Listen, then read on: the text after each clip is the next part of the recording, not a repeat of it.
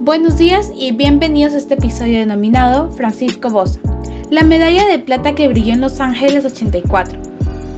¿Cómo fue la participación de Francisco en estas Olimpiadas? Para saberlo, tenemos a Daphne, Regina y María Alexandra, quienes nos contarán los hechos sucedidos este gran día. Cuéntenos, chicas. El 31 de julio de 1984, Francisco Bosa y Vos hizo retumbar al país tras subirse al podio y adjuntarse la medalla de plata en la modalidad fosa olímpica en los Juegos Olímpicos Los Ángeles 1984. El deportista lograba así dejar en alto el nombre del Perú y acumular la segunda medalla dorada de nuestra historia en el certamen olímpico, una de las experiencias más intensas de, en su vida. Así fue la participación de Francisco Bosa en Los Ángeles 1984. Pancho, quien estudiaba en Alemania, recibió el llamado de su papá para participar en los Juegos Olímpicos. Ven a Los Ángeles que vas a competir, le dijo con don Carlos. En ese momento Francisco alistó rápidamente sus maletas y viajó por casi 20 horas hacia Estados Unidos. Para ello tuvo el apoyo de sus padres, quienes cubrieron todos los gastos. Tres días antes de la inauguración, Francisco Bosa llegó a tierras estadounidenses. El tirador, con solo 19 años, empezó a sentir importancia de representar el país en unos Juegos Olímpicos. Yo no pensaba en fallar o en no fallar. A mí no me sumaba ni me restaba estresarme en ese momento.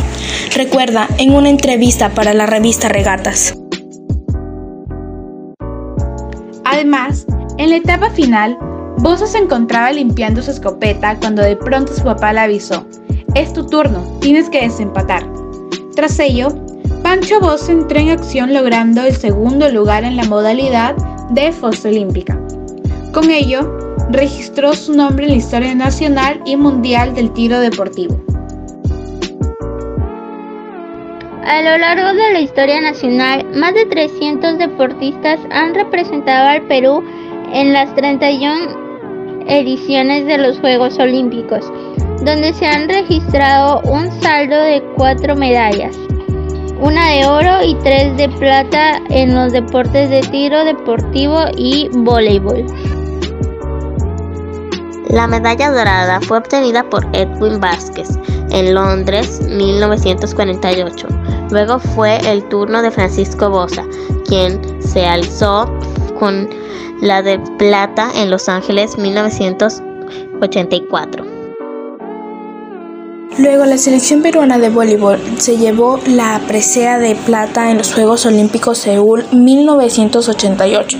Por último, Juan Gia, también de tiro, se llevó la presea plateada en los Juegos Barcelona 1992.